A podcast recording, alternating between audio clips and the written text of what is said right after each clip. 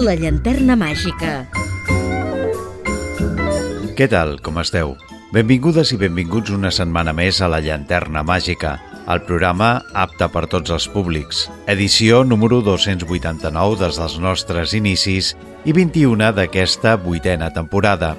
Bradley Cooper ressuscita l'efervescent e impetuosa figura del director d'orquestra estatunidenc Leonard Bernstein, el gran showman de la música clàssica, en un biopic basat en el seu matrimoni amb Felicia Montealegre. El seu mentor, Sergei Kusevitsky, va vaticinar que el músic estava destinat a convertir-se en la primera batuta nord-americana de prestigi mundial. Entre les seves fites figura l'haver inculcat als seus compatriotes l'amor per les sinfonies malerianes, però va ser molt més que això, un compositor notable, encara que amb una producció limitada, un divulgador que va saber utilitzar les possibilitats de la televisió i un educador volcat en els joves talents i en inculcar als més petits de la casa l'entusiasme per la música clàssica, sense deixar a banda la seva pública involucració en l'activisme polític. Però abans d'endinsar-nos en el tema, deixeu-me que us recordi que podeu seguir la nostra activitat i escoltar els darrers programes emesos a les xarxes socials. Segueix el programa al Facebook facebook.com barra la llanterna màgica. Tenim una adreça de correu electrònic per si us cal contactar amb nosaltres o fer-nos arribar les vostres consultes o suggeriments. Vols contactar amb el programa? llanterna01 arroba gmail.com I ells són tots? Doncs vinga, comencem. La llanterna màgica, amb Jordi Terrades.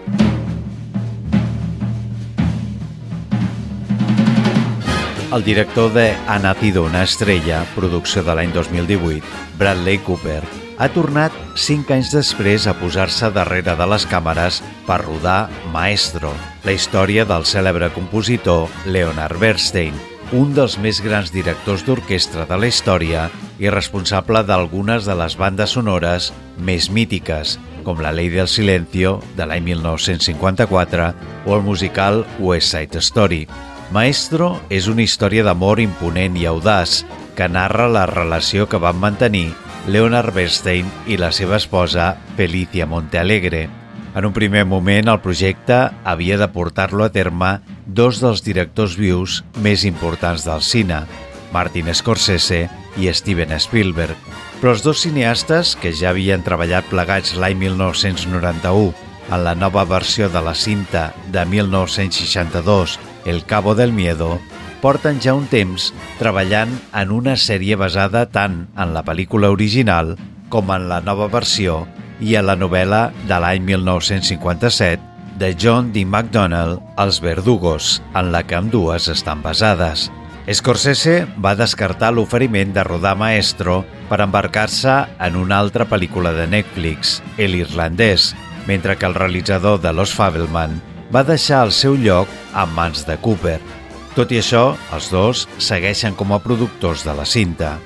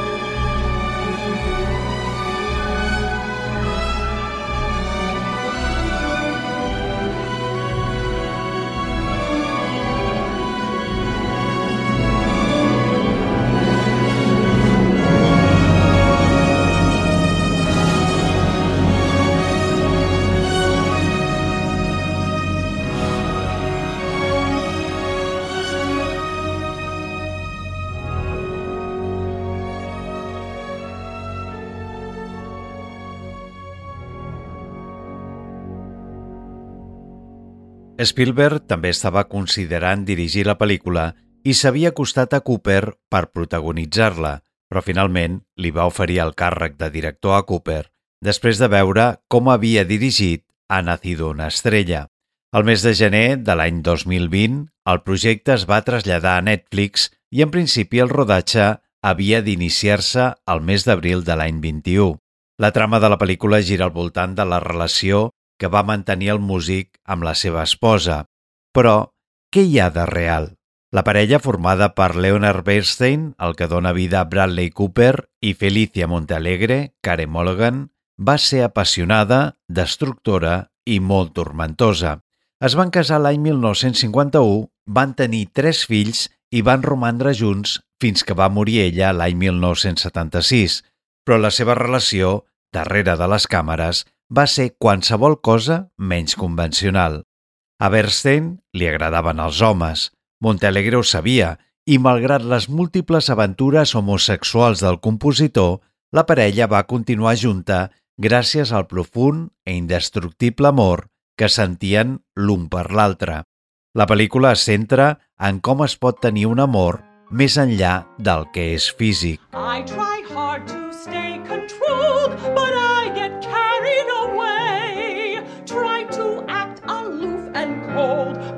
I get carried away. Carried away, carried away, carried away. Carried away. you get carried, carried away. And when I go to see a moving picture show and I'm watching actors in a scene, I start to think what's happening is really so. The girl, I must protect her. The villain, don't respect her. I leap to her defense and knock a hole right through the screen. Carried away, carried away, carried away. He gets we get carried, carried, just carried away.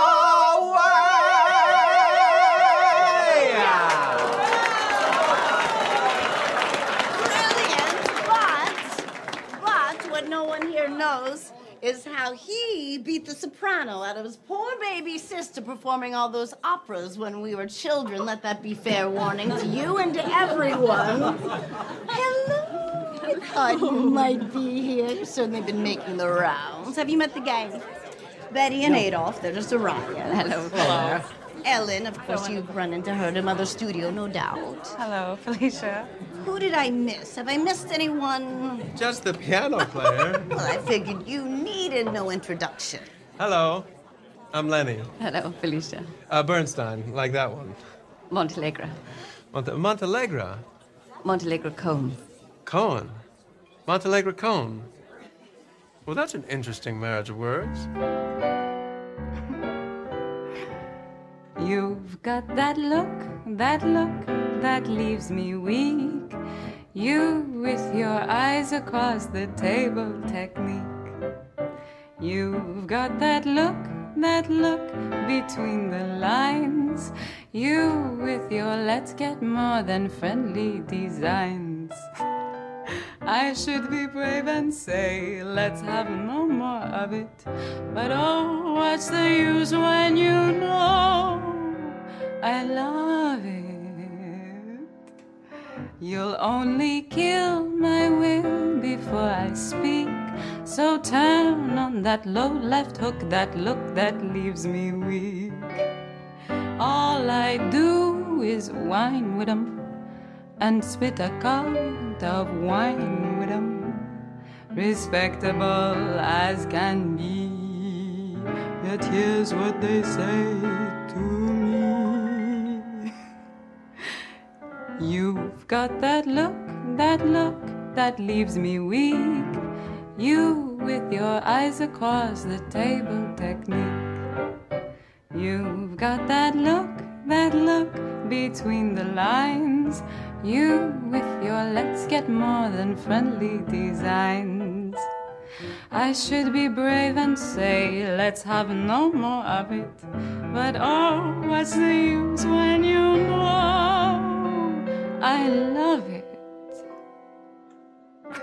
You'll only kill my will before I speak. So turn on that low left hook, that look that leaves me weak. Tot i el respecte mutu que es professaven, en el seu cercle personal i professional tots sabien que el matrimoni entre Bernstein i Montealegre era pura aparença, un acord per protegir la reputació del músic en una època en què sortir de l'armari podia acabar amb la seva carrera i fins i tot amb la seva vida personal. Tot i això, Maestro intenta suavitzar la realitat que el matrimoni va ser un matrimoni de conveniència. La parella es va conèixer en una festa a Nova York l'any 1947 i hi va haver una atracció entre ells, però més intel·lectual que física. Ell tenia aleshores 28 anys i començava la seva carrera com a director musical. Ella tenia 24, era pianista i també treballava com a actriu a Broadway. La parella es va comprometre mesos després d'haver-se conegut, però al cap d'un any es van separar. Va ser aleshores quan Montealegre va tenir una breu relació amb l'actor Richard Hart, un oblidat actor dels anys 40 que havia despuntat en pel·lícules com El reinado del terror o La rebelde. Però després de la mort prematura de Hart, als 35 anys, Bernstein i Montealegre van tornar a trobar-se i es van casar l'any 1951.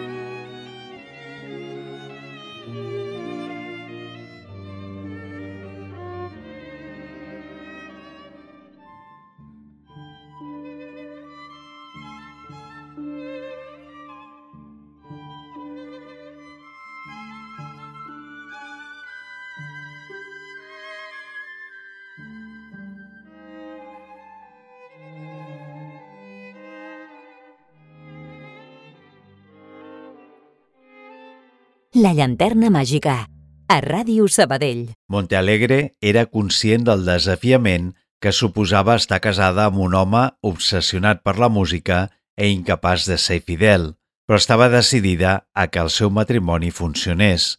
Felicia va escriure a Leonard poc després del seu casament una carta on li deia «Ets homosexual i potser mai canvis.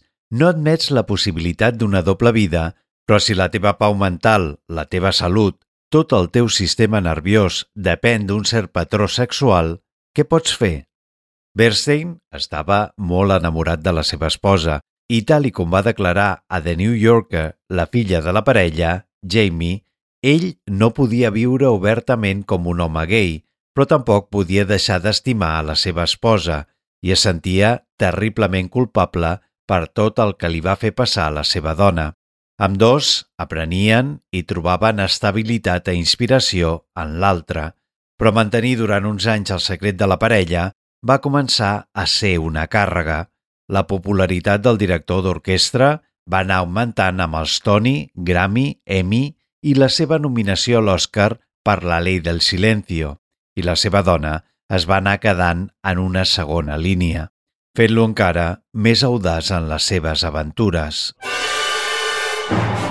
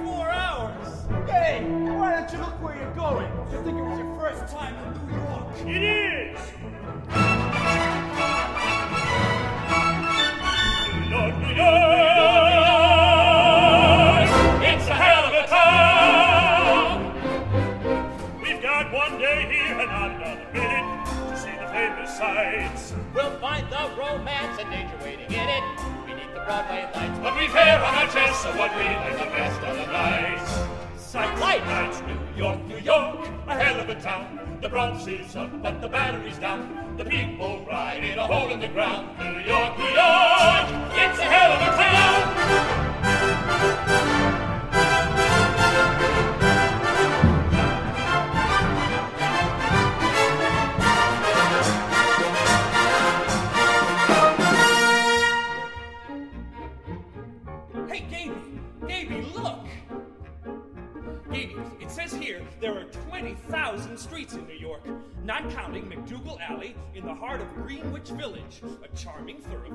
Filled Here with we go again!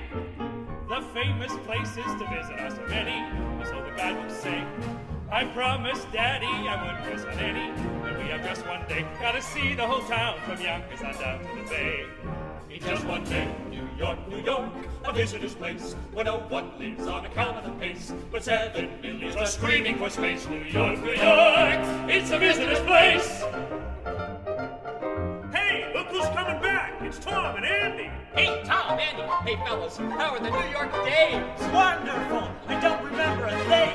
Awful! I remember everything. Manhattan women are dressed in silk and satin, or so the fellas say. There's just one thing that's important in Manhattan. When you have just one day, gotta pick up a date. Seven. Or eight on your way. In just one day. York, New York, New York, a hell of a a town. hell of a town. The Bronx is, The Bronx up, is, the battery's but the down. battery's the people The people in a hole in the a hole in the ground. New York, it's a hell of a town.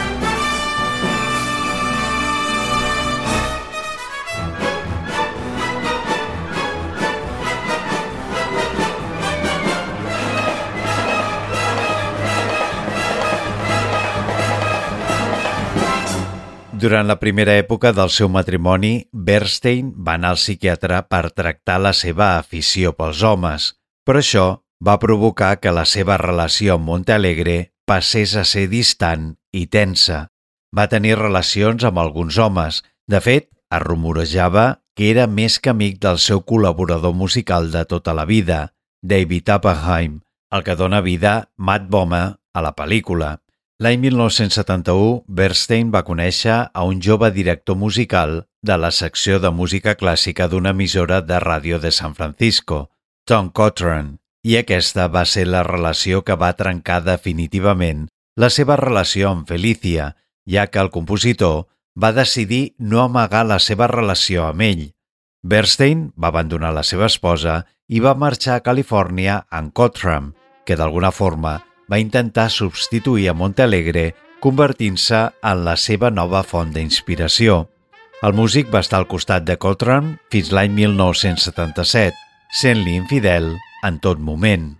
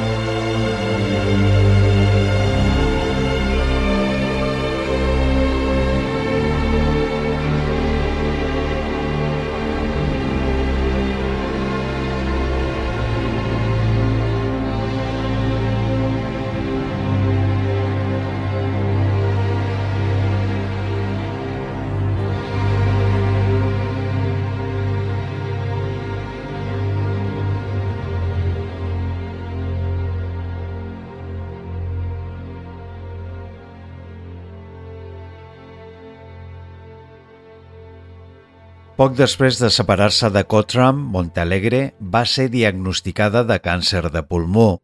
Malgrat la seva ruptura, el respecte i l'admiració seguia existint entre ells i Bernstein va tornar a Nova York per cuidar-la fins que ella va morir l'any 1978. Els que els coneixien diuen que el músic estava atormentat per la seva mort, pensant que el seu comportament durant el matrimoni d'alguna forma havia contribuït a la seva malaltia i mort. Aquell va ser el final d'una relació molt especial, la d'un home que va fer el que va voler i una dona que ho va acceptar mantenint-se ferma al seu costat durant dècades. Bernstein va intentar apaivagar el seu dolor amb drogues, alcohol i mantenint relacions sexuals. Finalment va morir d'insuficiència cardíaca l'any 1990 amb 72 anys. Aquesta és la història real del músic i compositor. Una altra cosa és el que es veu a la pel·lícula, que es centra molt en la seva relació amb la seva dona, però suavitza algunes qüestions.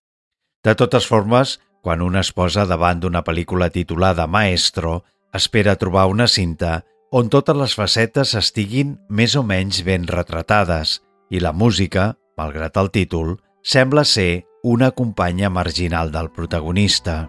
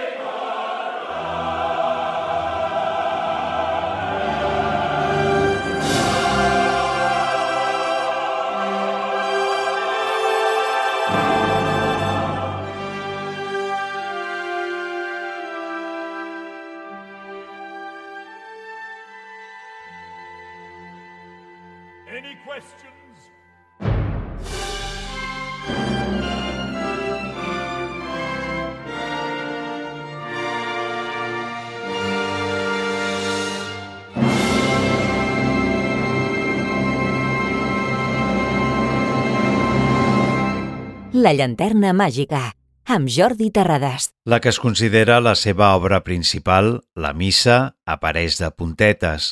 La més coneguda, West Side Story, amb prou feines ho fa. No hi ha res de la seva relació llarguíssima i amb molta implicació amb la Filarmònica d'Israel, com tampoc amb la de Viena, la de Baviera o el Concertgebouw.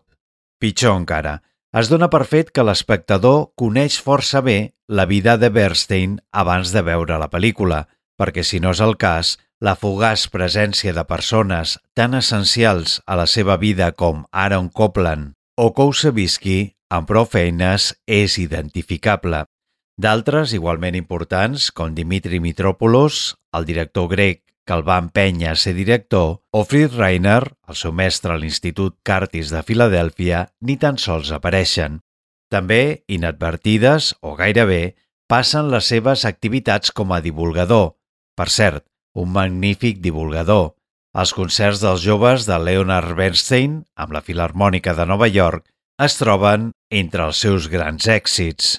Aquests programes televisius van introduir a tota una generació en la música clàssica, un total de 53 concerts de joves durant 14 anys.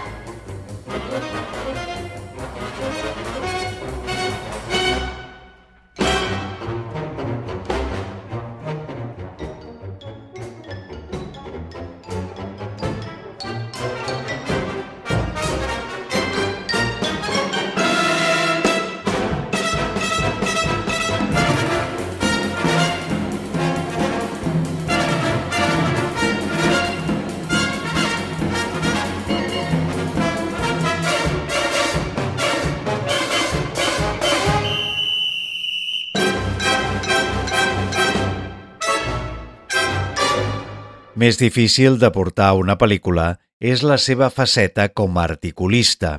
D'altra banda, interpretar un director, i més si estem parlant de Bernstein, és dificilíssim. És una cosa a tenir en compte a l'hora de jutjar el treball de Cooper. L'actor nord-americà, entrenat pel director del Metropolitan Yannick Nissen-Siegen, es mou raonablement bé en una escena amb el cor. Però quan intenta reproduir el llegendari enregistrament de la segona sinfonia de Mahler a la catedral d'Eli, es passa de frenada. Lenny era excessiu. Cooper va més enllà i el que a Bernstein sembla un excés natural, a Cooper sembla ratllar la sobreactuació. La caracterització, inclosa la polèmica pròtesi nasal, és fantàstica. Maestro es va estrenar al 80è Festival Internacional de Cinema de Venècia, on va ser nominada al Lleó d'Or. També va projectar-se a la gala inaugural del Festival de Cinema de Nova York, convertint-se a la primera pel·lícula que es va estrenar al nou David Geffen Hall. A més, Maestro es va projectar al BFI London Film Festival i va clausurar a l'AFI Fest. La producció va tenir una estrena limitada als Estats Units al mes de novembre de 2023, abans de la seva incorporació a la plataforma de pagament Netflix el 20 de desembre de 2023.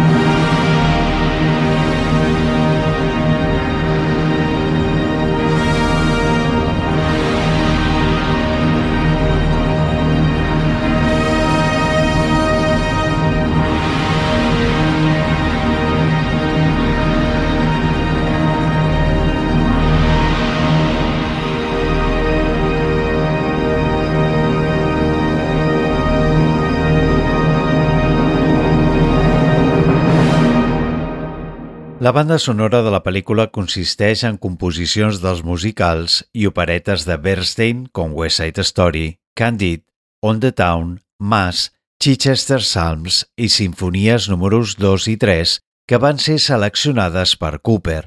A part d'això, també va incloure obres de Gustav Mahler, Ludwig van Beethoven, B.C. Handy, Robert Schumann i William Walton, que es van utilitzar per il·lustrar moments claus de la seva carrera o el matrimoni de Bernstein.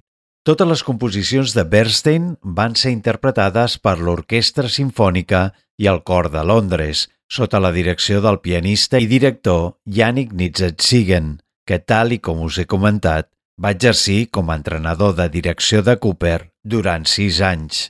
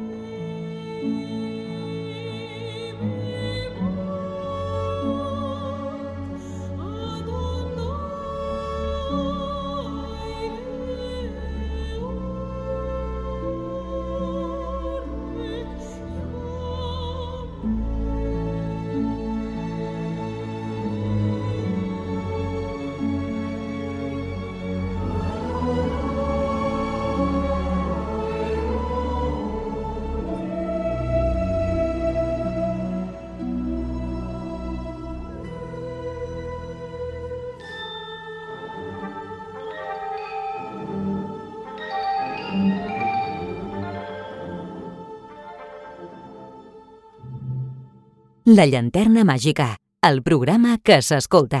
Tenint en compte tots aquests aspectes i considerant que la pel·lícula té un ritme massa lent per la majoria dels espectadors, en general es tracta d'una bona pel·lícula. El pitjor de tot és que molts s'aproparan a les sales de projecció esperant veure un retrat de Bernstein amb aquestes múltiples facetes lligades a la música, que a més va tenir una relació singular amb la seva dona, i es trobaran amb el retrat d'algú que va tenir una relació singular amb la seva parella i que, més, era músic. Rebeu una salutació de qui us ha estat acompanyant al llarg d'aquest programa, Jordi Terrades. Com sempre us diem, gràcies per la vostra atenció. Sense vosaltres no seríem res i us esperem a la propera edició de La Llanterna Màgica.